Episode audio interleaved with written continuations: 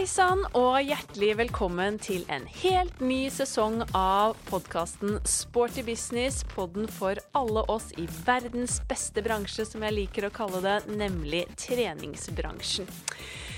Jeg som skravler heter Eva Katrine og gleder meg til en ny sesong av podden. Nå har vi jo faktisk holdt det gående siden 2020 og går nå inn i 2024, og det syns jeg er skikkelig stas.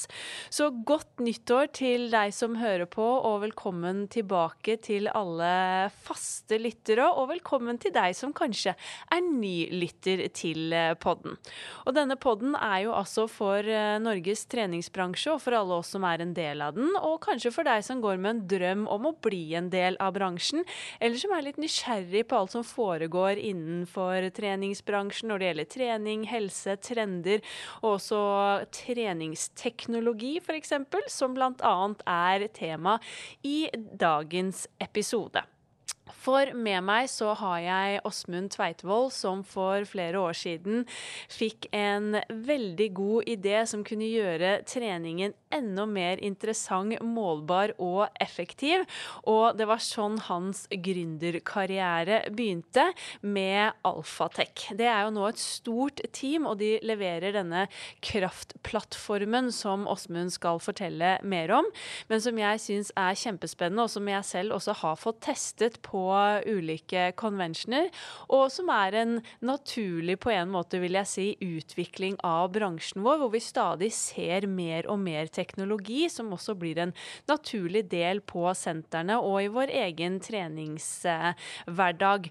Og blant de største treningstrendene de siste årene, så har det jo vært dette med wearable technology som har ligget på toppen, altså bærbar og eh, teknologi og teknologi som man har på seg som klokker f.eks osv. Eh, men det sier jo også noe om at vi er interessert i teknologi også innenfor trening.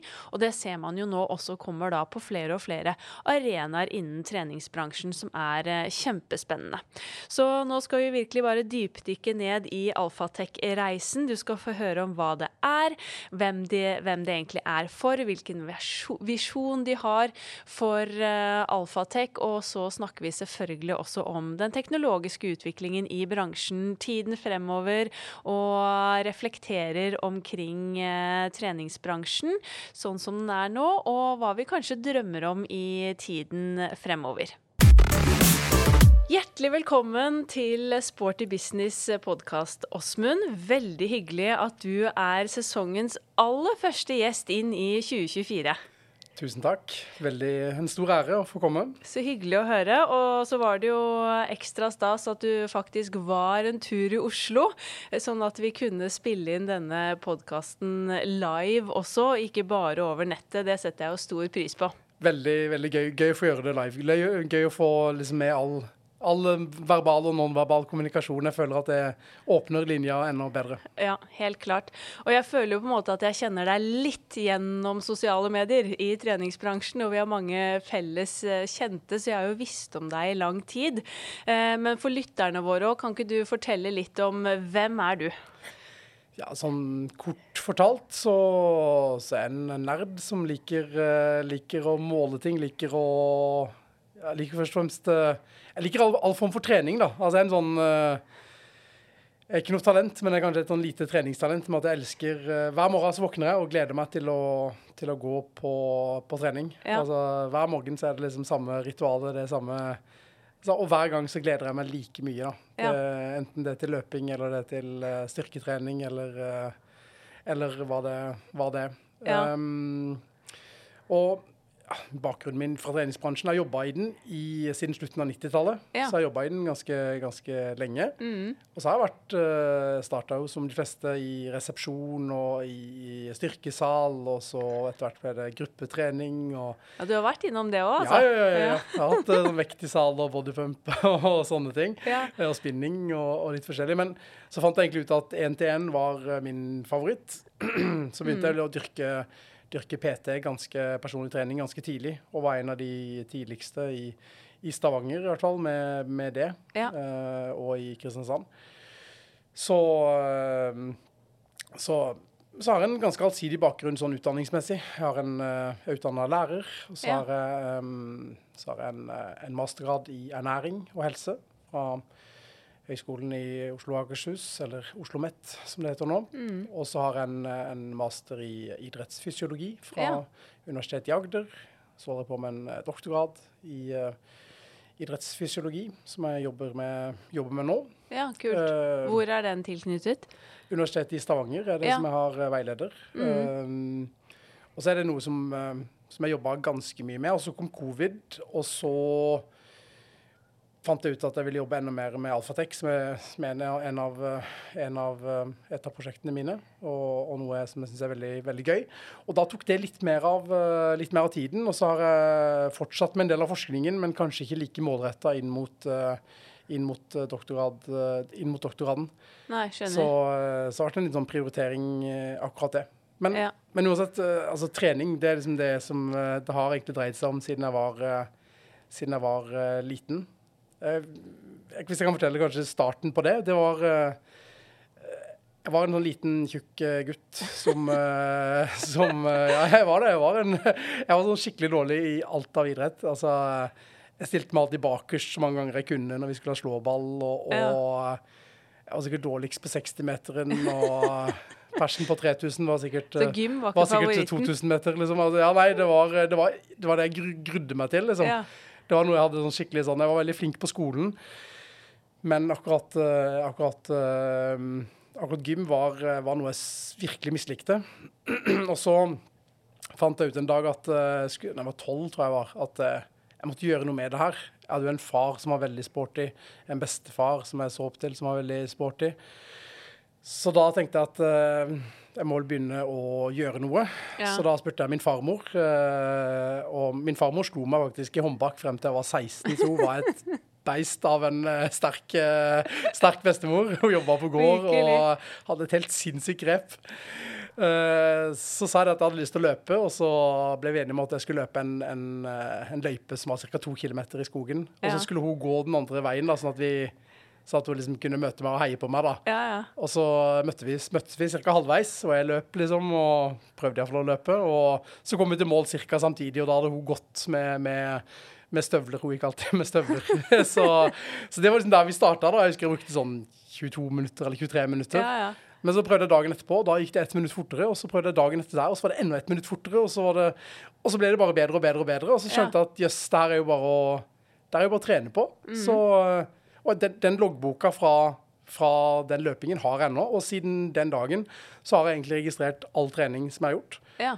Og det var litt det som fikk meg over på Strava, og fikk meg over på etter hvert på, på, på å registrere styrketrening på ulike måter, og, og som etter hvert bunna ut i, i Alfatek, egentlig. ja. Så du liksom- begynte egentlig med løping, altså? Ja, det begynte med løping. Og så Ja. var det sånn at det tok meg bare tre måneder, så var jeg veldig god til å løpe. Da løp jeg mila på 38 minutter Ja, eller et eller annet sånt, og, og var eh, Jeg husker jeg kom på, på fjerdeplass uh, i det første løpet mitt uh, i, uh, i klassen, den yngste klassen som jeg kunne være med i, da, men jeg var, en, jeg var for ung for den, egentlig. Ja. Eh, og da skjønte jeg jøss, det her er, det er jo kjempegøy. Det er jo bare å jobbe hardt, så, så, så blir man flinkere. ja. Og så kom konf konfirmasjonen min, og da kjøpte jeg styrketreningsutstyr for det.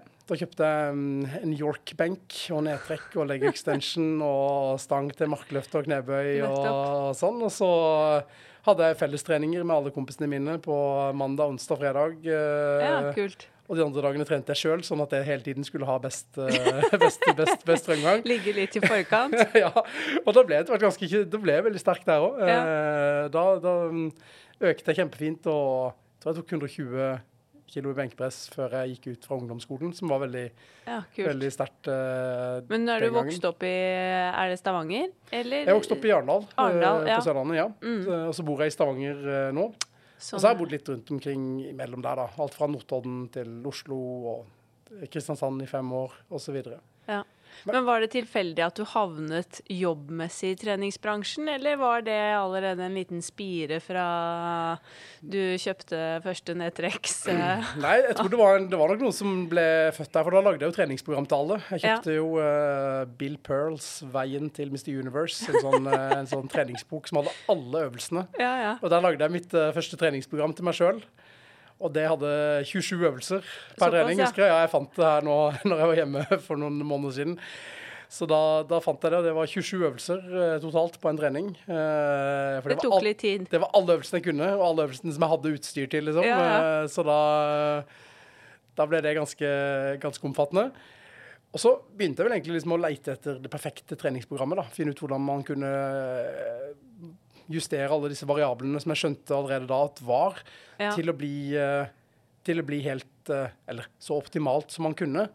Og så lærte jeg mer og mer, og så og så, Du har vært en del av bransjen lenge, så du vet jo at eh, paradigmene de skifter. ikke sant? Alt fra high intensity training til lav intensitet og mye mengde osv. Og, så og, og sånn har jo mitt syn og min fasit på en måte også skifta fra periode til periode. Ja. Eh, Og så har jeg lært veldig mye av det, og så har jeg etter hvert endt opp med et syn som kanskje mange av oss ender opp med, at uh, den treningen du ender opp med å gjøre, og den treningen som du ser mening i og ser fremgang i og, og liker, det er det, du, det er det du faktisk bør gjøre. Og Det det er er det som lønner seg i, i lengden. Ja. Så fra å være veldig opptatt av at alt skulle være veldig optimalt, så har jeg nok um, gått mer og mer over til å tenke at den beste treningen er det som er det du ender opp med å gjøre, og det, du, eh, det som er liksom gjennomførbart. da. Ja, Og det er noe jeg prøver å la skinne gjennom litt uh, i treningsteknologibruken vår som vi, som vi har, som vi skal snakke litt om, uh, litt om seinere. Mm. Jo, men så, jo, fra, der, fra, fra hjemmetrening med York-benk og alt det der, eh, nå spurte jeg litt av, så, um, så gikk det videre til det lokale treningssenteret. Mm. Og så um, dro jeg til Notodden for å gå lærerskole. Og der begynte jeg å jobbe på det lokale gymmet. Ja. Friskoteket heter det. Og Friskoteket, ja. Friskoteket, Friskt navn. det, var, veldig, det var et veldig bra senter, altså, med, Ja. med, med kule maskiner og squashhaller og, og basseng, og det var veldig bra. Eh, og der begynte jeg å jobbe med, som sånn treningsinstruktør. Mm. Dette var på slutten av 90-tallet. Og så flytta jeg til Kristiansand for å studere videre. Og da begynte jeg på Spikeren når det var nytt. Mm. eh, Studenttreningssenteret der. Og der begynte jeg å jobbe som personlig trener. Ja. Uh, og Rullet eh, ballen bare videre? ja, jeg, og egentlig så hadde jeg ikke så veldig lyst til å jobbe sånn med personer. Jeg følte det var litt mye ansvar, det å få, det å få så mye penger, eller at noen skulle betale så mye for, Ja, ja. Uh, for at jeg skulle hjelpe dem. Og jeg hadde nok en litt sånn veldig ydmyk holdning til, uh, til det, som jeg tror mange PT-er kjenner seg igjen i fra starten. Mm. Så jeg hadde egentlig ikke lyst til å jobbe så veldig mye som det, men så, så var det tydeligvis noe jeg var ganske flink til, for det, var, eh, det spredde seg ganske fort, og så ble det etter hvert en ganske sånn lukrativ business, og så klarte jeg å bygge opp troa på meg sjøl og på, på, på det jeg leverte, og så, og så ble, det ganske, ble det ganske bra. Ja. Og når jeg flytta videre til Stavanger eh, etter hvert, så mm, ja, da, da hadde jeg på en måte allerede begynt å undervise litt på idrettsstudier eh, på ja, bl.a. Universitetet i Agder osv. Og så da var det ingen vei tilbake. Da var det egentlig treningssenterbransjen som var eh, en veldig, veldig veldig stor del av, av eh, livet mitt. Og det var et veldig fint sted å være. ikke Ja. sant? Eh, Jeg, jeg trener jo hver dag. Og det, det er ikke fordi det er optimalt, men det er fordi at det hele tiden minner meg på at jeg skal gjøre de gode valgene. Og jeg, og jeg tør egentlig ikke ta pause. Jeg har ikke tatt pause Jeg har ikke tatt en valg Altså, jeg hadde covid for et par år siden, Ja. og da, da, da, da måtte jeg ta litt fri. Men ellers har jeg ikke hatt uh, Selv om jeg er ute og reiser på, og skal fly, så flyr jeg gjerne Og hvis jeg flyr til Doha, som jeg veldig ofte flyr via når jeg skal ut og reise, så, så tar jeg meg en trening på, på flyplassen, på gymmet der. Og jeg, jeg legger liksom opp alt til at jeg alltid skal kunne holde den ballen rullende. Jeg er liksom livredd for at den skal stoppe opp. For uh, tenk hvis den stopper opp, og så blir jeg lille tjukke Åsmund på tolv år igjen, og så er alt uh, Det alle- høres ikke ut som det er noen fare for at det kommer til å stoppe opp.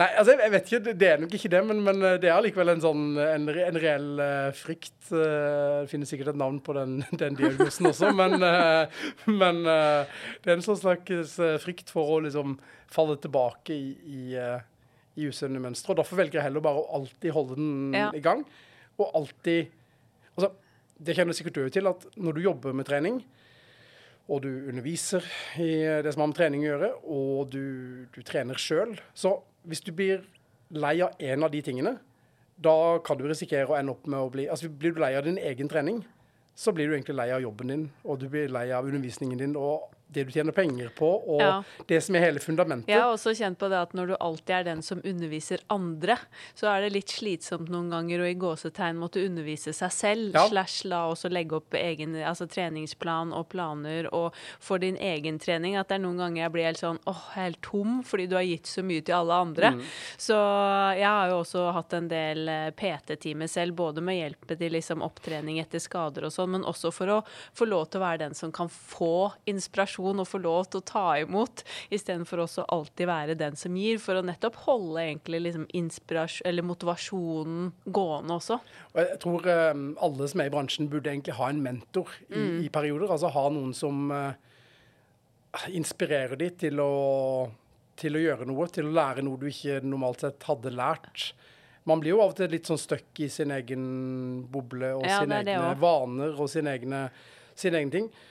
Sjøl så tvinger jeg meg sjøl liksom, til å starte litt på scratch uh, flere ganger i året, bare med liksom, å tenke OK, nå legger jeg vekk alt jeg tror jeg kan, og så begynner jeg bare å lage noe nytt. Ja. Og så, jeg, så trives jeg veldig godt med den, den prosessen. Så lager jeg det nye, perfekte treningsprogrammet, og så får alltid, det- får alltid et litt catchy navn, som gjerne henger sammen med måneden i året det er lagd. eh, og så skrives det inn i, Ja, ja. i, i, i dagboka, som jeg har ført siden eh, ja, Siden du var tolv? Ja, siden da så har jeg ført den, liksom. Så, så nå fører jeg den bare på telefonen, men, men, men før var det skriftlig.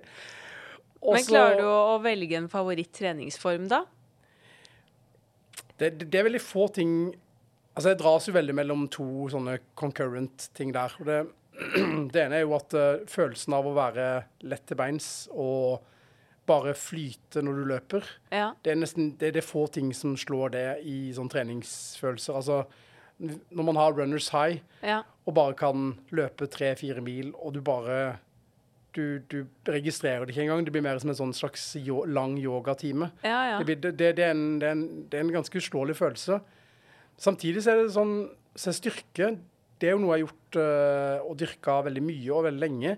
Så det, det å være sterk, det å være den sterkeste i rommet, da, i gåseøyne, ja. det er alltid en sånn øh, alltid vært en, eller lenge vært en viktig del av identiteten min. Mm. Så altså Styrke var noe jeg på en måte dyrka videre. og så Etter hvert begynte jeg med strongman, og så konkurrerte jeg i USA og vant eh, liksom, benkpresskonkurranser der. Og, ja.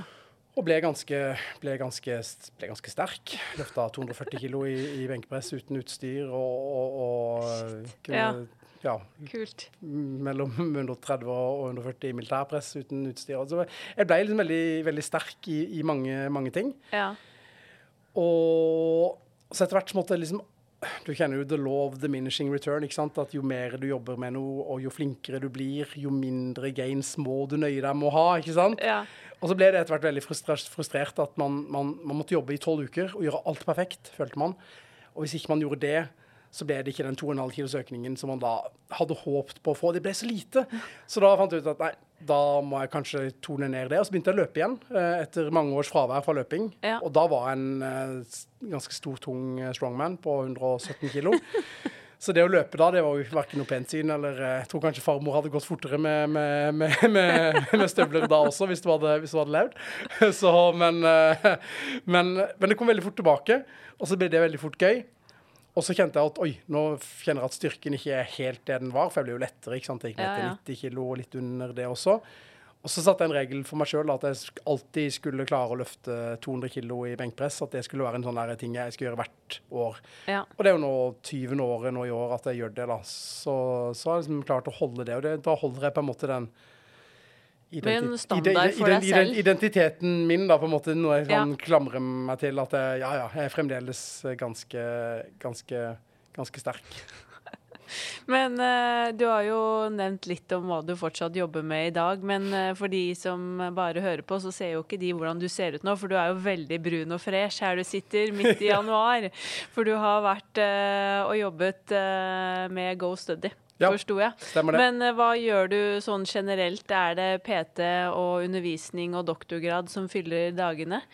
Ja, altså Nå har jeg, ikke vært, jeg har ikke vært ansatt noe sted på sikkert uh, 20 år. Uh, så jeg har egentlig bare vært min egen, egen, sjef. Og så har jeg fulgt med mye av det som mye av det som gir mening. Og, og det har jo vært uh, Personlig trening har jo vært en kjempeviktig del av det. Det har vært en sånn bærebjelke. Ja. Og det er noe jeg digger ennå. Nå skal jeg begynne med kundene mine igjen nå i neste uke.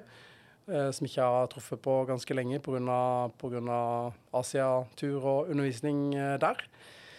Uh, så da, da, blir det tilbake til det, og det digger jeg. Da tar jeg de samme kundene nå som for uh, eh, 10-15 år siden. Mm. De er den samme gjengen ennå. På de samme tidspunktene. Alt er liksom helt, helt som før. Ja. Og så er det fremdeles like gøy. Og så har vi um, Jeg fant egentlig veldig tidlig ut det, at det med PT det handla ikke om å selge mest mulig til flest mulig, men det handla om å treffe kunder som Der det ble en, mer en sånn symbiose, mer en sånn at man at man lærer av hverandre. da. Ja. Kunder som, som, jeg gleder meg til å treffe, kunder som gleder seg til å treffe meg, som kan lære meg noe, som jeg kan lære noe.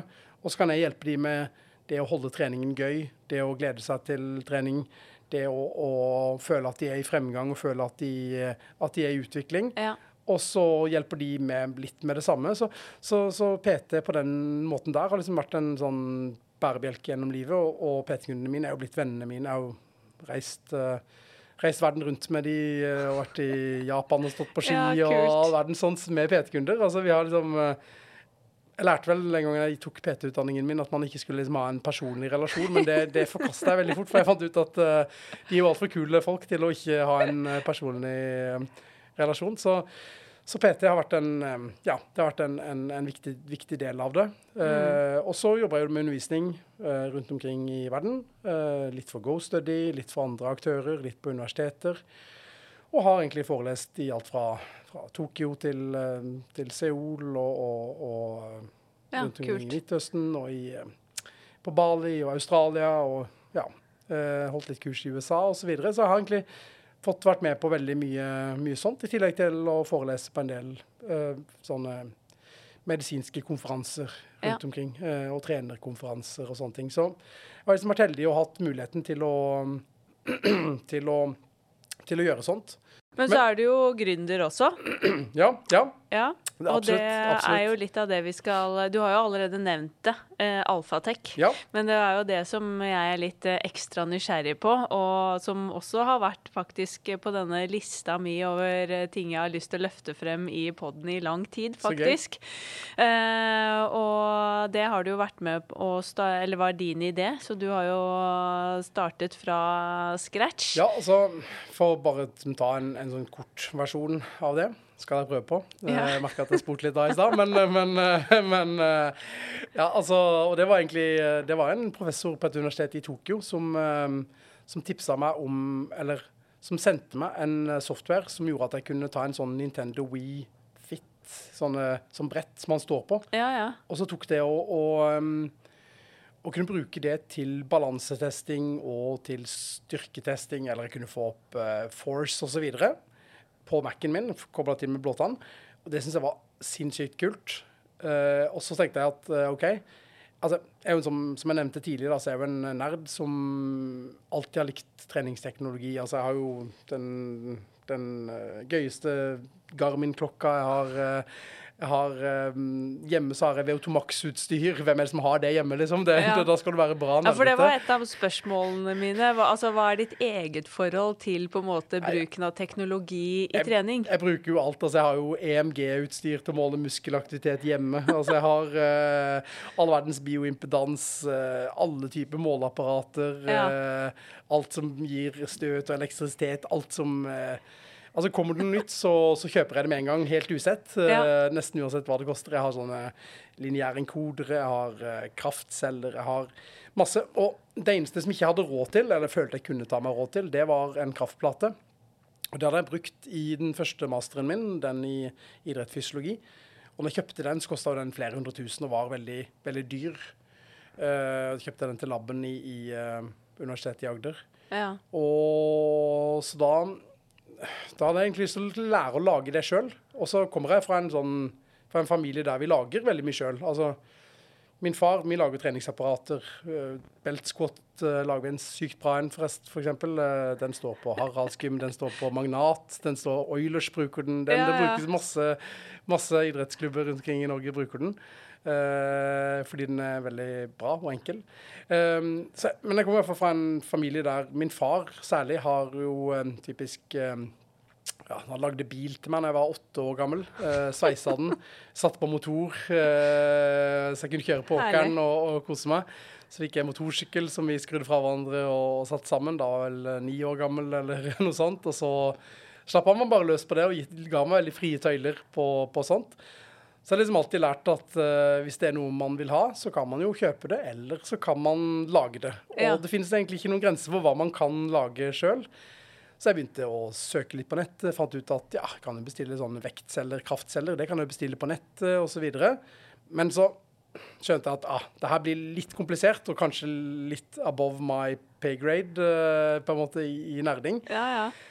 Så hadde jeg en uh, veldig nerdete kompis som heter Erik Vassøy. Uh, og han jobba på gymmet som jeg jobba, uh, og hadde litt Tabata-timer og sånn. Og han hadde akkurat fullført, fullført en, eh, en, eh, en eh, sivilingeniørgrad der han hadde bygd en elektrisk formelbil, en sånn Formel 1-bil Ja, ja. eh, elektrisk. Eh, så jeg skjønte at OK, han, han kan jeg ringe, og så kan jeg, kan, han kan jeg få med på noe sånt. ja. Og så, eh, så ringte jeg Erik, og, eh, og han sa ja, klart vi kan eh, lage det. Og vi kikka på det og, og, og myldra litt. Og, og så var ideen min da at OK, jeg vil på en måte ta, ta labutstyr og så gjøre det litt mer tilgjengelig. fordi at eh, det er ikke noe vits i at en, en, et måleapparat som er så gøy, som kan brukes til så mye, som kan gi så mye verdifull informasjon, skal være liksom stuck inni en eh, lab med mann med hvit frakk med Windows 95-look på alt som Ja, er på skjermen. ikke sant? Det ser veldig lite sexy ut. Eh, så det må kunne være mer tilgjengelig, og ikke minst mer økonomisk tilgjengelig. Så ble vi enige om å prøve å lage, lage dette her. Eh, og så skjønte Erik ganske kjapt at her må vi få med noen andre òg som kan andre ting. ja. Så han uh, tromma sammen de flinkeste folka fra, fra det teamet som hadde lagd eh, denne, denne racerbilen. Og så um, fikk vi etter hvert da spisskompetanse på, på alt fra AI og, og alt elektroingeniør og, og Ja, ja. frontend og backend og software. Og så fikk vi på en måte all den eh, kunnskapen inn i teamet uh, umiddelbart.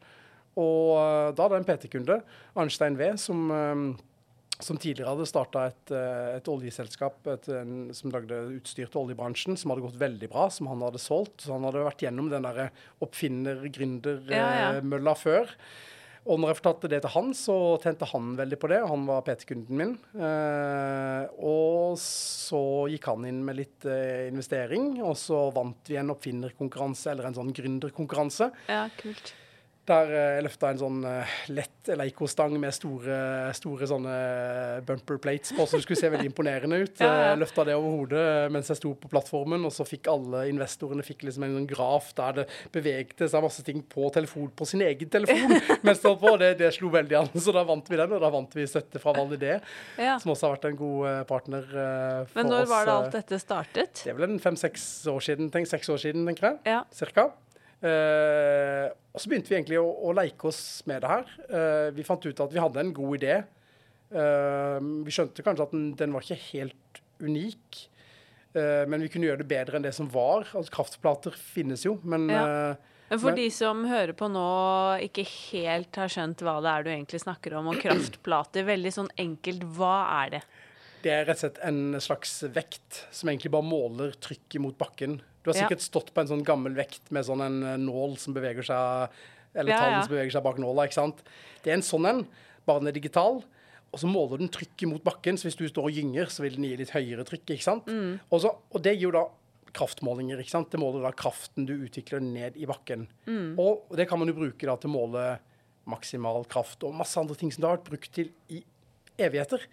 Men en dag på laben så, så skulle vi eh, beregne hopphøyde, og så fant vi ut at vi ville bruke det vi kaller takeoff velocity, altså den hastigheten man forlater eh, plata med, eller forlater plata, eh, den hastigheten man har da. For hvis du hiver en ball opp i lufta, så har den jo farten den har, vil jo Ja, ja. avgjøre hvor høyt den kommer, ikke sant. Og så spurte Alexander meg eh, så om eh, Ja, vil du ha med hele knebøyen, da? Altså hele bevegelsen før, eller vil du bare ha med helt på slutten?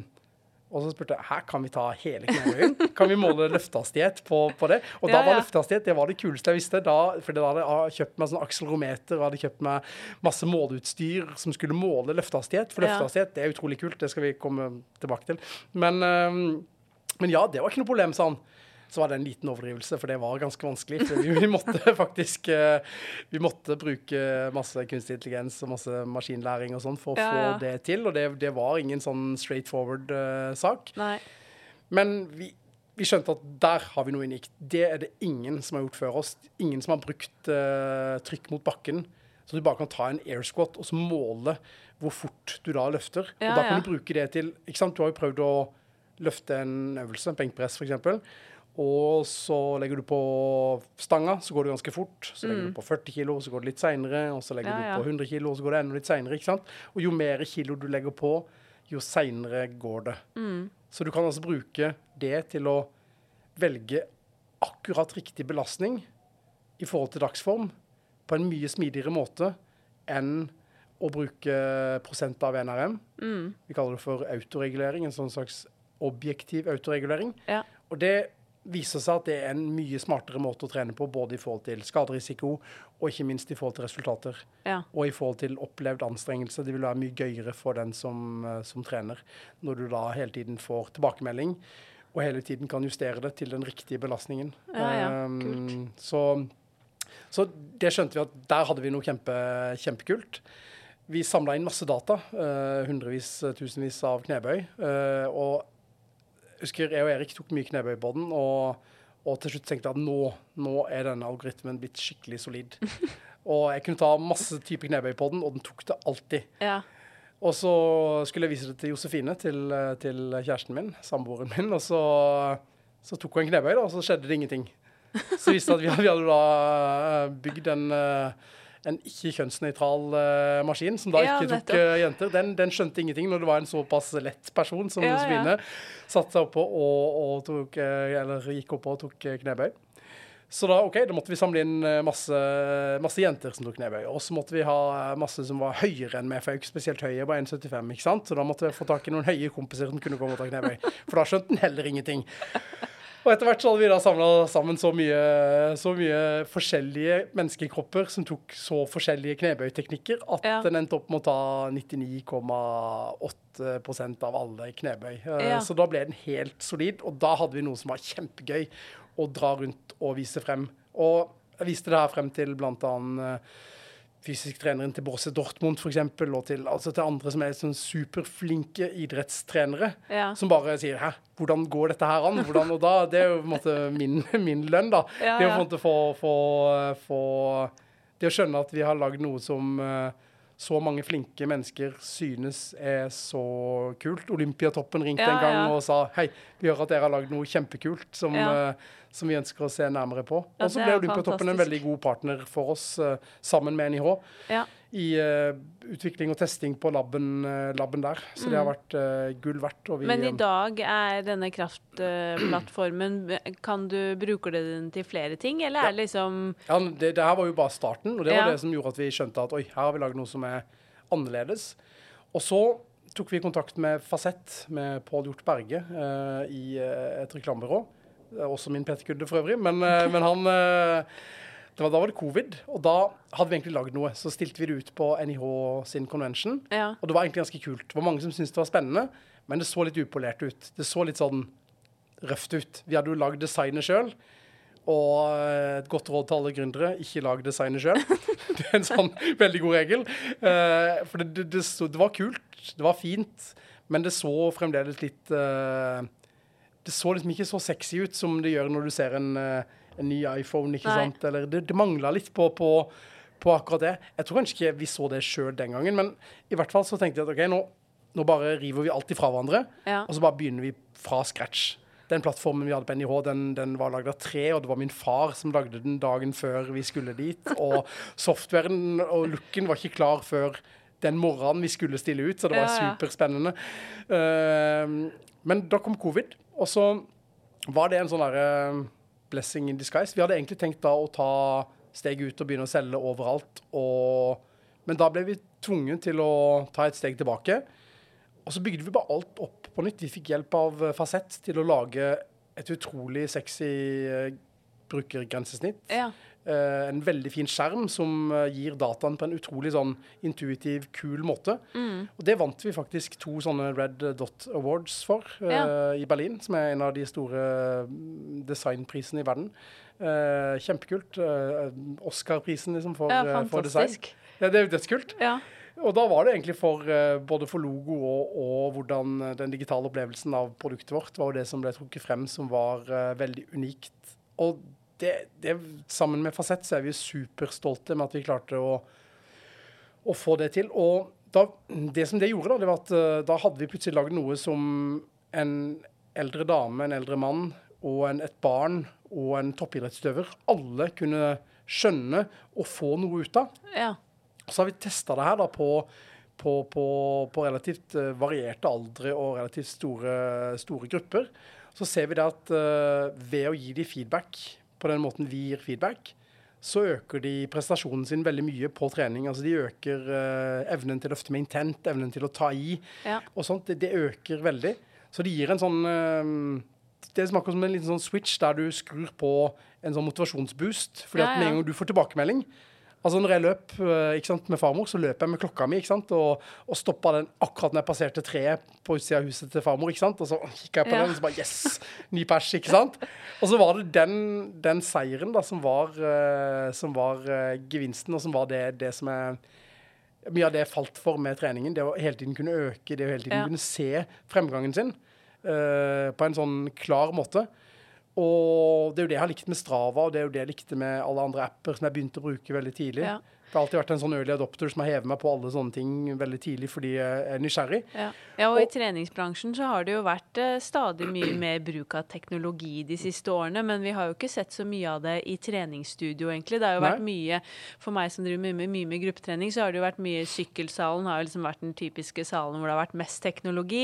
Så har det jo kommet inn på litt ulike gruppetreningskonsept, men ellers så har det jo ikke vært noe ny teknologi i treningsstudio annet enn noen nye apparater, kanskje, altså sånne type ting. Mm. Så jeg tenker jo at dette er jo noe som faktisk eh, gir deg ja, feedback der og da på Ja. også styrketreningen. Fordi det, det er liksom det som er at når du løper med pulsklokka di, så får du en tilbakemelding der og da. Og den kan du bruke til noe, ikke sant? Ja. Når du sykler. Du, kan, du ser vatten din. Oi, nå ligger jeg over terskel. Nå må jeg begynne å roe ned. ikke sant? Ja. Og så bruker du den til noe som øker kvaliteten på treningen der og da. Mm. Og det har på en måte mangla i, eh, i styrketreningsverden. Noe Ja. som faktisk bare øker kvaliteten, og som er anvendbart. Fordi det finnes en del måter å måle løftehastighet og måle teknikk på, måle de tingene vi har, men da er det ofte kameraer som må settes opp. Det er ting som må festes på, ting som må lades opp. Så må du bytte bruker, og så bruker du veldig lang tid. Og så er det ingen sånn sømløs opplevelse, og så tar det veldig mye ressurser for treneren, og så blir det bare ikke brukt. Det som er med vår plate, det er at den ligger bare nedfelt i gulvet. Så du eh, bare tar stanga eller en kettlebell i hendene, og når du er på sensoren, så er det bare å begynne å ta knebøy f.eks., og så kommer løftehastighet opp. Så kommer dybde, hvor dypt du går. Og så kan du få opp om du bruker høyre side mer enn venstre side, eller om du faller fremover, eller om Ja, du må korrigere teknikken din. Og så kan du stille inn om du ønsker å trene skikkelig til utmattelse, altså kanskje gå til 30-40 eh, hastighetstap. For jo mer sliten du blir, jo seinere går det, ikke sant? Eller om du ønsker å være helt fresh dagen etterpå og stoppe med 10 Det kan være kjempeverdifullt for en toppidrettsutøver. Eller det kan være verdifullt for en uh, PT som da har en kunde som man ønsker at skal ha en positiv opplevelse med treningen.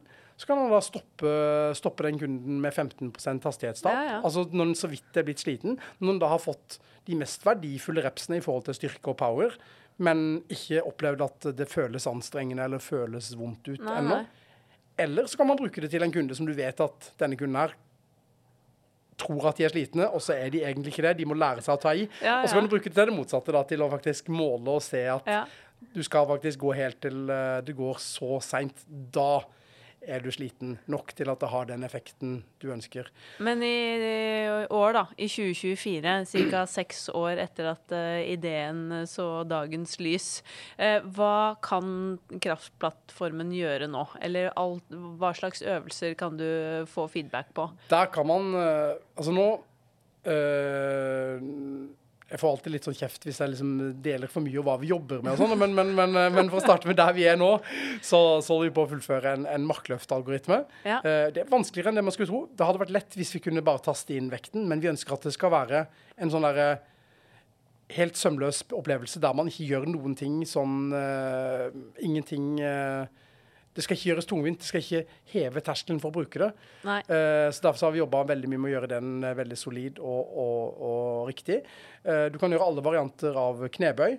Du, du, kan i utgangspunktet gjøre pushups, du kan gjøre alle kraftmålinger, du kan gjøre alle hoppvarianter, du kan gjøre alle isometriske tester ja. du, uh, og alle isometriske treningsøvelser. Og så holder vi på å lage en, eh, en, rigg der man kan gjøre alt av isometrisk trening, som kan ha en kjempeeffekt på idrettsutøvere og mm. på folk som driver opptrening etter skader. Uh, og så vil det etter hvert komme en, en, benkpress. Man kan måle løftehastighet der. Det vil være en egen spesialsak. Uh, det vil ja. komme. Og det vil komme en, um, det vil komme en uh, Nordic hamstrings man kan måle ja, hamstringsstyrke med. Ja. Uh, og ikke minst trene hamstringsstyrke med feedback. Og så er det sånn at altså regelen, eller litt av visjonen når vi starta, det var jo på en måte at vi skulle gjøre det mer tilgjengelig. Vi skulle ta laben ut ifra laboratoriet og så skulle vi beholde kvaliteten på det som ble målt, men så skulle vi gjøre den tilgjengelig for flest mulig. Ja. Sånn at uh, du kan bruke den alene, du kan bruke den med trener, du kan ha en kjapp opplæring med trener, og så kan du bruke den. Og når du kan lite grann, da kan du øke kvaliteten på din egen trening. Du kan ha det gøy med det, du kan ha litt gamification. Du kan dra i en mid-tie pull og, og, finne ut hvilket dyr du er i universet. ikke sant? ja. Altså Du kan gjøre ting som gjør treningen litt mer motiverende, ja. uh, litt gøyere litt riktigere. Mm. Eh, sånn at uh, Så på sikt så kan vi kanskje påvirke folkehelsen i en positiv retning med å gjøre trening eh, ja, mer motiverende for folk, gøyere, oppleves mindre anstrengende. Ja. lære folk å ta i, lære folk å holde igjen når de skal det. Altså Det blir en sånn, et sånn multiverktøy som man kan bruke til mye. Og så kan man da ikke minst hele tiden få en tilbakemelding på om det går fremover. Om ja. du vi, vi, har lyst til å lære Vi holder på med en, en brukerapp nå der vi ønsker egentlig at eh, det skal eh, Der det skal eh, du skal kunne finne fremgang der du normalt sett ikke kunne finne fremgang. Altså, ja, du skal sånn, kunne, ja, ikke si en, du mm. I dag hadde du høyere løftehastighet på de tre første reppene enn det du noensinne har hatt på den vekta. Ikke sant? Det finnes jo så mange seire man kan finne. Men som jeg sa, når jeg hadde trent lenge, så begynte etter hvert seieren å forsvinne. fordi at etter hvert så måtte jeg jo trene tolv uker for å øke 2,5 kilo. Men tenk hvis jeg da underveis i de tolv ukene kunne fått feedback på at uh, i dag så forbedra du det og det. I dag uh, hadde du bedre dybde i knebøy på den vekta enn noensinne. Du hadde mer power i markløft uh, enn enn noensinne på Altså, jeg kunne gitt meg så mange seire ja, ja. som kanskje hadde gjort at synet mitt hadde vært annerledes. Og nå er jo jeg indre motivert, sånn som du òg er. ikke sant? Vi elsker jo trening eh, begge to. Men tenk hvis vi kunne gjort, eh, gitt det til uh, mange nybegynnere, da. Som ja. kunne gitt dem masse, masse seire, masse dopamin, masse positive opplevelser med trening. Der de faktisk ser at uh, treningen går fremover. Ja. Men er det mange sentre, altså vanlige treningssentre i dag som har kjøpt uh, ja, Alfatek-plattformen? Vi har mange, mange vanlige sentre. Ja. Uh, og da er det veldig ofte um, de litt fremoverlente sentrene, de som uh, har lyst til å følge litt ekstra med i tiden, de som gjerne lytter på PT-ene sine og ønsker mm. å gjøre PT-hverdagen enda bedre, gi de noen verktøy og leketøy. Uh, så Men jeg skjønner jo at visjonen deres egentlig er at dette er et verktøy til alle som ja, er på et treningssenter, absolutt. som det skal, du sier. Det skal senke terskelen, og det skal være anvendbart. Det er sånn, ja. Alt vi lager, skal kunne brukes av alle. Og kan det ikke det, hvis det blir et labverktøy, da, da har vi på en måte bomma litt igjen. Det skal være noe som kan brukes, og det skal kunne brukes uten at du trenger å ha en doktorgrad i, i fysiologi. Ja. Men Har dere fått noen tilbakemeldinger fra de sentrene som f.eks. har kjøpt i dag, med tanke på at eh, jeg skjønner jo at visjonen er at dette er for alle, men jeg tenker jo også at det kan jo være sånn at det er mange av de som så vidt har liksom kommet seg inn på treningssenteret, eller som bare er en happy go lucky mosjonist, at dette kanskje er altfor avansert, eller ser for fancy ut, eller tenker at nei, men jeg er ikke ikke på det nivået at det, jeg kan ha bruk for det. Ja.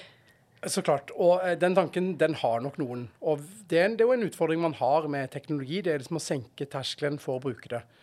Og derfor så har vi gjort en del sånne en del eh, ganske vel, vel gjennomtenkte valg med tanke på at man, man trenger ikke lage noen bruker eller logge på noe.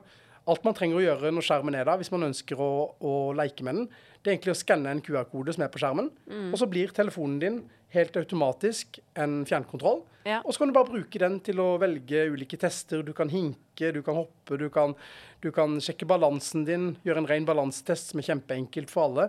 Så du, du kan gjøre veldig mange sånne lavterskelting som er veldig enkelt å styre. Det som vi får tilbakemelding for uh, fra mange sentrene, det er jo så klart at um, de som driver med idrett, og de som er, de som er glad i å logge sin egen trening fra før, de som er sånne flinke Strava-brukere, de elsker det så klart. Ja. De er nok en lett gruppe å nå.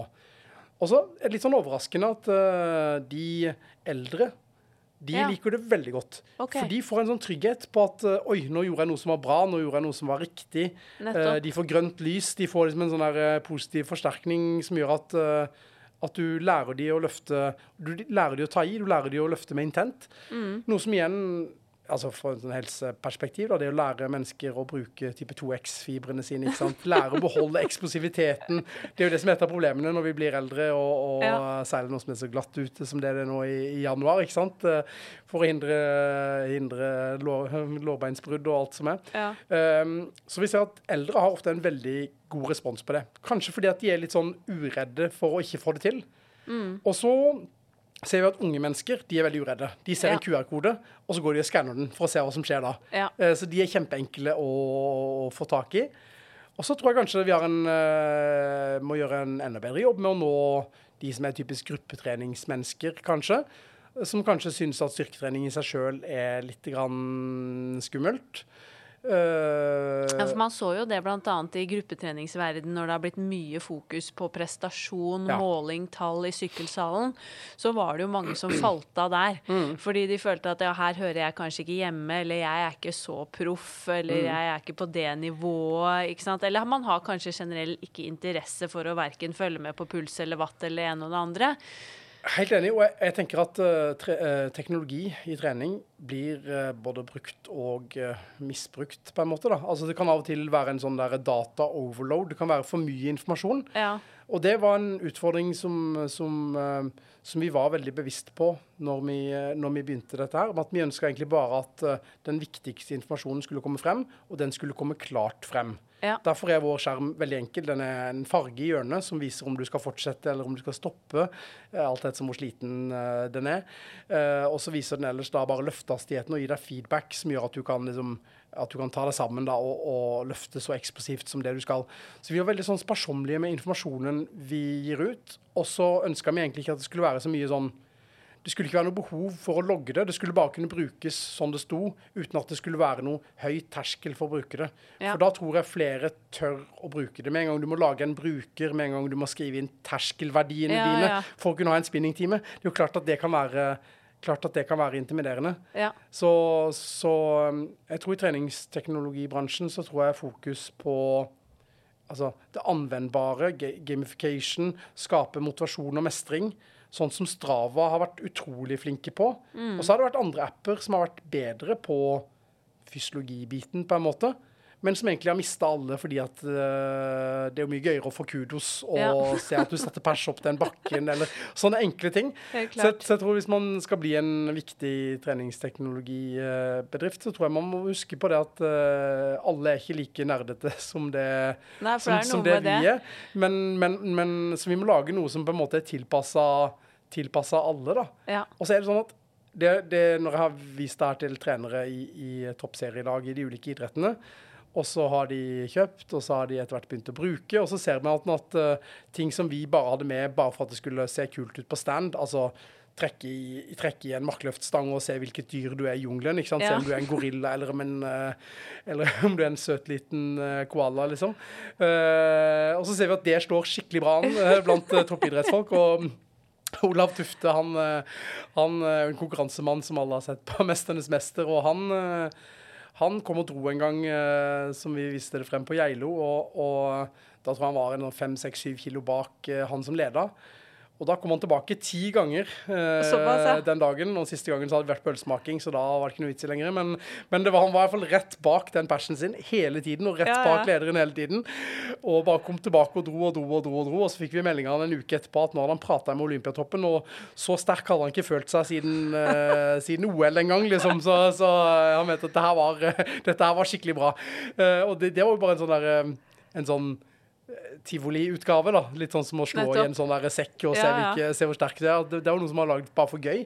Men nå ser vi jo at, eh, at alle mosjonister og vanlige mennesker og alle syns egentlig de samme banale tingene er gøy. Vi er ja. liksom ikke så veldig, vi er ikke så er forskjellige. Vi er, ikke, vi er litt sånn, vi liker å konkurrere litt med oss sjøl. Vi liker litt å konkurrere med, med venninna vår, men vi bryr oss ikke om alle andre. ikke sant? Nei, nei. Så vi må liksom ufarliggjøre, ufarliggjøre konkurransen, da, sånn at alle bare konkurrerer på sine premisser. Så tror jeg man ja. kan bruke, bruke teknologi på en, på en fornuftig måte. Så jeg vet jo at uh, det finnes mye, mye, kul teknologi som er på vei nå, og som, som uh, mange jobber med, både i Norge. Ian Horton og gjengen jobber jo med et spennende, spennende prosjekt med kamera, kamerateknologi, mm. som er kjempe, kjempestilig.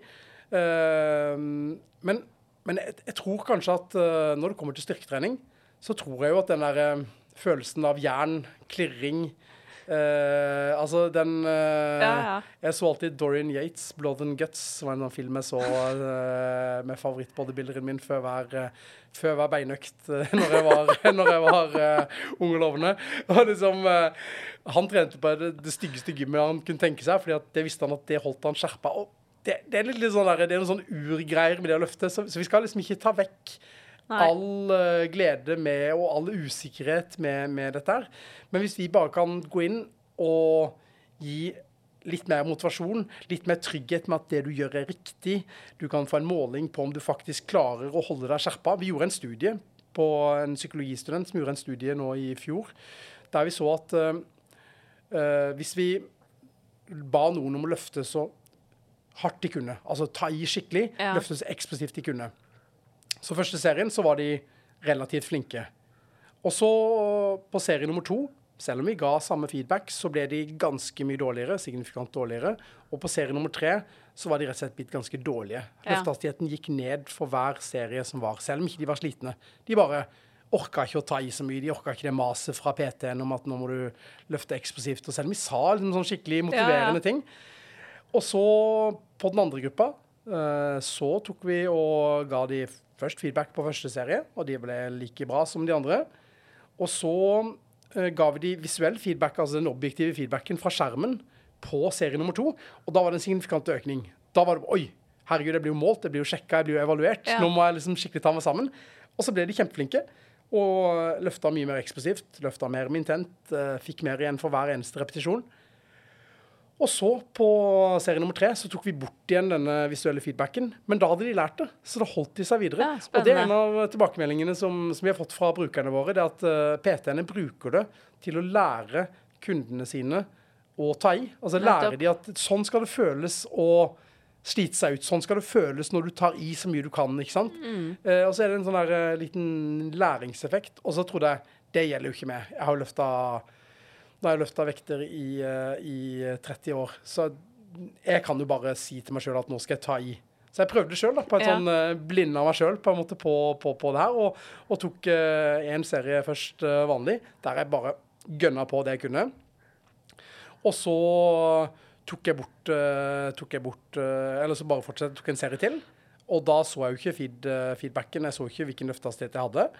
og så så jeg at jeg var blitt dårligere. Det var litt sånn sjokkerende, for jeg trodde virkelig at jeg greide å holde meg. Ja. Men så la jeg til uh, feedback, og vips, så var det en kjempeøkning igjen. Ja. Altså, så sa til og med meg som da på en måte vet vet, om dette her og er så bevisst på det, hadde en kjempegod effekt, uh, effekt av det. Så, så det er liksom, jeg føler at uh, hvis, hvis vi bare koker det ned til at det å få en tilbakemelding på om det du gjør er bra, om du klarer å ta det sammen, om du klarer å gjøre det med bra kvalitet, at man koker det ned til det, da har man noe som er veldig verdifullt for alle. Nei. Men har du noen tips til treningssenter treningssentre f.eks. som syns at det er vanskelig å benytte den nye teknologien som kommer, som kanskje har investert i ny teknologi, enten det er deres plattform eller annen type eh, teknologi, og ser at det på en måte OK, du har brukt masse penger på det, men det gir ikke noe mer, og kanskje medlemmene er skeptiske til å bruke det, eller trenerne. Har du noen gode tips der? Jo, det, det du sa på slutten der, med trenerne, jeg tror kanskje de er en kjerne der. Så det vi gjør med våre, de som kjøper oss, det er at vi prøver å gjøre opplæringen så grundig som mulig på de som skal bruke det, og de som skal lære opp andre. Sånn at du kan lage et system for videreopplæring på senteret der det går av seg sjøl. Og så tror jeg utfordringen at mye av teknologien er såpass komplisert og krever såpass mye innsats fra medlemmene med nedlasting av apper og, og innstillinger og sånne ting, som gjør at det kanskje ødelegger litt. Og da tror jeg du må rett og slett bare investere en god del tid i å ha opplæring av medlemmene, hvis man skal få det til å funke. Og så tror jeg man må få Altså, ja, vi har håndplukka litt kunder, da. Vi har egentlig bare gått på de kundene som vi ser at eh, at eh, å, det her høres interessant ut, det her høres gøy ut. Her tror jeg vi kan ha det her tror jeg vi kan ha et godt utstillingsvindu. Ja. Så vi har på en måte valgt litt kunder med omhu. Og så har vi heller bedt andre om å være litt på, på vent, kanskje, fordi at vi ønsker å ha klart mer før vi, før vi går videre. Sånn var det i hvert fall i, i, i starten. Ja. Så, så jeg tror liksom det å få trenerne til å bli gira, få de til å like det, og hvis ikke de liker det fra starten, så, så tror jeg kanskje du har en utfordring med å få det til. Jeg tror eh, Hvis du er senterleder og vurderer å kjøpe treningsteknologi, så hør med de som skal jobbe med det, hør med de som er på gulvet om ok, er dette noe dere har lyst til å gjøre i spinningen, er dette noe som gjør at timene deres blir bedre, blir bedre for dere, blir bedre for, uh, for kundene. Og hvis ikke det er det, så ville jeg kanskje, kanskje tenkt meg om. Ja. Uh, for det er ikke noen vits i å ha noe som står der som ikke brukes. Nei, det er Eh, akkurat det. det vet jeg har vært en utfordring med en del sånn pulsmålingsverktøy og sånne ting. Absolutt. Og så til alle som, som driver med treningsteknologi, så, som, som, som har bedrifter som har utstyr, så tror jeg jo at for all del, du, du, du er nødt til å ha en måte å ha service på der det kan ikke være nede en eneste dag. Du må alltid være på. Altså hvis noe går galt med, med, med vårt utstyr, så um, for vår del så kan det være en TV for eksempel, som ryker, fordi at vi har en Samsung-TV som står kobla til, som er veldig bra, men, men TV-er kan jo være noe galt med. Og da bare bytter vi det umiddelbart og ordner opp med en gang, fordi vi er avhengig av å ha fornøyde kunder. For Ja. fornøyde kunder vil jo føre til bedre business eh, for oss. Når det kommer til selve vår plate, så er jo den mer eh, indestructible, for den, eh, den har vi liksom støttesta med tusenvis av eh, dropp med to Ja. tonn på. Nettopp. Og vi ødela gulvet på tre-fire steder i den, det verste vi hadde den først. Det bygget skulle rives, heldigvis. Så, men, men så vi, vi har veldig, veldig veldig grundig testa den. Vi har tatt den til varme og kulde. Vi har uh, rista den. Vi har gjort alt vi kan for å ødelegge den, så den er nesten udødelig. Men hvordan tror du den eh, teknologiske utviklingen vil være i bransjen fremover, da? Eller har du noen tanker om hvordan bransjen kommer til å se ut om fem eller ti år? Om fem år så tror jeg kanskje ikke den er så veldig annerledes, og kanskje ikke om ti år heller. Jeg tror at eh, veldig mye av det som, som finnes av typisk enkle målinger, som puls, uh, som kraftmåling som vi gjør, uh, løftehastighet, hvis det er gjort på en smidig måte. Jeg tror sånne ting kommer til å ha en litt og litt og litt og litt større del av hverdagen til mennesker. Og så tror jeg veldig mye kommer til å dreie seg om tre på trening og møte opp på trening og treffe venner og logge litt av alt annet og kose seg, sånn som det alltid har vært. Ja. Så jeg er ikke noen sånn, jeg er ikke noen visjon om at alt skal digitaliseres eller alt skal optimaliseres. Jeg tror um, teknologibedriftene, oss inkludert, må bare tenke at vi skal være et sånn, en liten edge som noen kan bruke til noe for å gjøre det litt bedre, for å få litt bedre fremgang. Ja. Uh, men så tror jeg trening kommer til å være, handle om det samme som det det handler om den dag i dag. Mm. For det å løpe ute det kjennes likt ut nå som det det gjorde før jeg hadde Strava. Ja, det er, Det er bare litt det. ekstra gøy, og det gjør at jeg kanskje går ut og tar en ekstra trening når jeg vet at jeg får noen kudos av uh, John, f.eks., uh, som er veldig flink til å gi kudos. Ja, ja. Uh, så vet jeg at da, da, da, da gir det meg et lite løft, og kanskje kan Alfatek bli en liten sånn en. At Ja. Man drar for å få den lille seieren, for å få den lille passion, for å få den lille økningen, den lille dopaminutskillelsen, ikke sant. Ja. At det kanskje vi kan være noe sånt.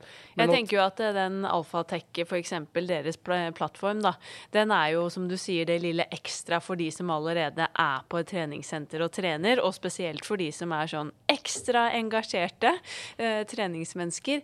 Men det er jo ikke nødvendigvis det som får nye medlemmer inn på et senter, fordi man har fått eh, alt fra Alfatech, eh, kraftplattformen, eller til et eh, nytt eh, system i sykkelsalen. Har du noen tanker om hva som skal til for at vi klarer å snu denne trenden med at det er altfor få som eh, beveger seg, eller får flere inn på sentrene?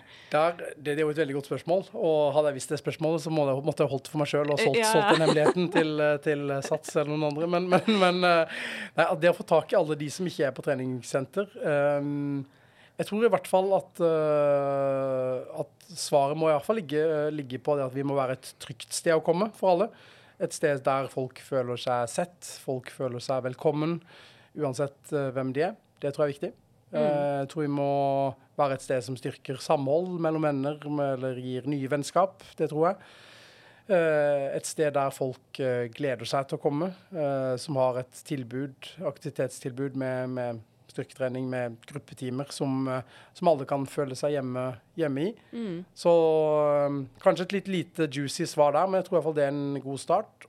Og så tror jeg at eh, det offentlige må litt på banen, og kanskje, og kanskje være flinkere til å, å sende mennesker videre til, til den utrolig gode, gode behandlingen som, som trening er. Mm. For nå viser det seg jo gang på gang at uh, forebygging med trening har jo en samfunnsøkonomisk supergevinst er som egentlig bransjen har fått altfor dårlig betalt for, eh, egentlig. Vi, vi er en såpass viktig folkehelseaktør at vi burde fått mye mer, eh, mye mer kred eh, for det. Og jeg tror det offentlige må etter hvert på banen og, og, og jobbe videre med grønn resept, blå resept. Altså en eller Ja, ja. annen form for henvisning til fysisk aktivitet, som, Mm. som jeg vet at mange jobber med både, på, både gjennom Able og gjennom eh, og, og, og gjennom NIH og, og de andre universitetene sin, sin eh, treningsfysiologutdanning osv. Så, videre. så Ja.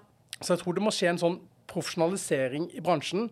Og hvis du hadde spurt meg for 15 år siden, så hadde, og du hadde spurt hvor vi var om 15 år, så hadde jeg trodd at vi var der nå. ja, nettopp. Men det er vi jo ikke. Nei. Og så er vi nesten nøyaktig på samme sted Mm. som det vi var der. Og så lærer vi fremdeles om de ideelle sett og reps og, og det optimale treningsprogrammet. Og så er det kanskje ikke det vi egentlig burde, burde lære mer om. Kanskje vi burde lære mer om adherence, compliance, hvordan få mennesker til å endre vaner og bli der. Hvordan få mennesker til å bygge indre motivasjon. Og så alle de tingene som egentlig er enda viktigere enn det å optimalisere Ja. alt mulig. Det som skaper motivasjon, det som skaper indre motivasjon. Som teknologi kan være en, en bidragsyter til, da, for Mm. øvrig.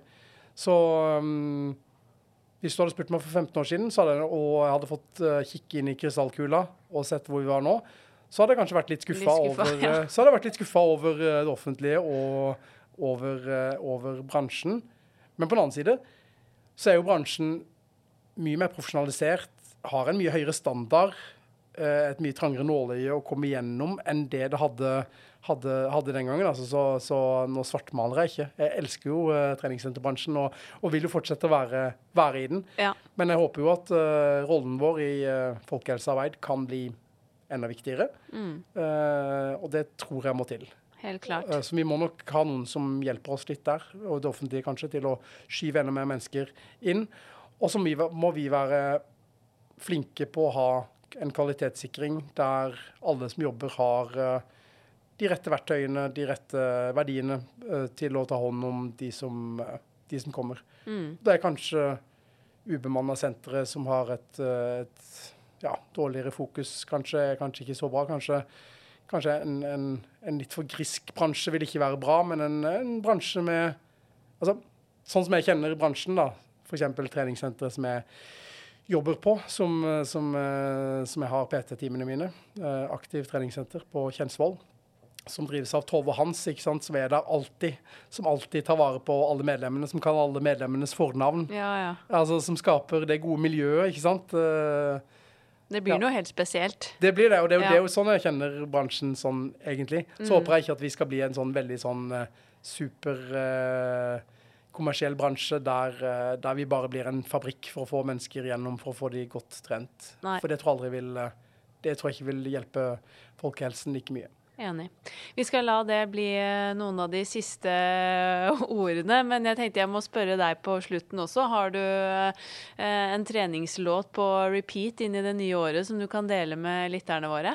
Åh, vet du hva, det er, sånn, eh, det er litt flaut, men, men eh, jeg hører jo på akkurat den samme musikken nå som eh, jeg hørte på når jeg var 14, eh, på trening. Da Da er det, liksom, da er det ACDC og, og, og helst Bon Scott ACDC, altså den tidlige ACDC-perioden, Ja. som, som, som er også eh, er det av og til jeg hører på litt sånn russelåtaktige greier, sånn Ringnes-Ronny og, og, og, Ja, ja. sånn. eh, Og sånn så, så, så jeg liker å holde det litt harry når når jeg mm, er på trening. Ja. Og så kan jeg heller eh, gå på symfoniorkesteret på, på fritiden når jeg skal, eh, når jeg skal, eh, skal eh, slappe av. ja, ikke sant. Herlig. Har du noen tanker om hvem du selv kunne tenke deg å høre i podkasten Sporty business? Jeg så det spørsmålet når vi, når vi snakka sammen, og eh, jeg tenker eh, Finn Tore eh, Camacho Bjørnsand. eh, Ikke vært gjest ennå, så som driver eh, Muskelklinikken, Ja. og som driver Norsk idretts- og helseinstitutt. Han er en veldig kul fyr med mye, mye gode, gode tanker. mm. Og Ja, så han vil nok være et, eh, være et første, førstevalg der, tror jeg. Mm, herlig. Godt uh, tips. Du spurte meg jo innledningsvis hvor lang tid vi skulle bruke på den podden, og jeg kan jo si at vi har overskredet det. For Jeg eh, er ikke så veldig overraska på det. som Jon Hauge skrev til meg, så var du glad i å skravle, og det stemmer. ja, ja, jo da, jo da. litt, litt Så vi skal runde av, selv om vi kunne skravlet en time til, vi. Men tusen hjertelig takk for en fantastisk fin prat, og for så mye engasjement. Det digger jeg. Så tusen hjertelig takk for at du tok deg tid. Tusen takk for at jeg fikk komme. Tusen takk for at du hang med på årets eh, første episode av eh, Sporty business. Håper det var en interessant eh, episode, og jeg kan jo bare friste med at vi allerede har flere spennende og dyktige gjester og tema på planen fremover, så det er bare å glede seg til en ny episode allerede om to uker. Så Sporty business det slippes annenhver uke da på tirsdager, så det fortsetter akkurat sånn som før. Vi blir jo veldig glad for hvis du vil følge oss i sosiale medier på Instagram at sportybusinesspodkast, eller kanskje bli med i eh, Facebook-gruppen vår med samme navn, Sporty Business. Og tips til gjester og tema, det tas alltid imot med en stor takk. Og så vil jeg også bare minne om at eh, hvis du går med denne lille drømmen om å bli en del av eh, treningsbransjen, så starter også Inspartum instruktørutdanning opp igjen eh, denne våren. Så det er start i mars, og der kan du designe din egen utdanning akkurat sånn som du ønsker, med fordypning innen styrke, sykkel eller trinntimer. Og mer informasjon om det finner du på inspartum.no. Jeg gleder meg til vi poddes igjen. Ha en sporty og tipp topp uke videre. Denne podkasten produseres av Inspartum Akademi og Adler.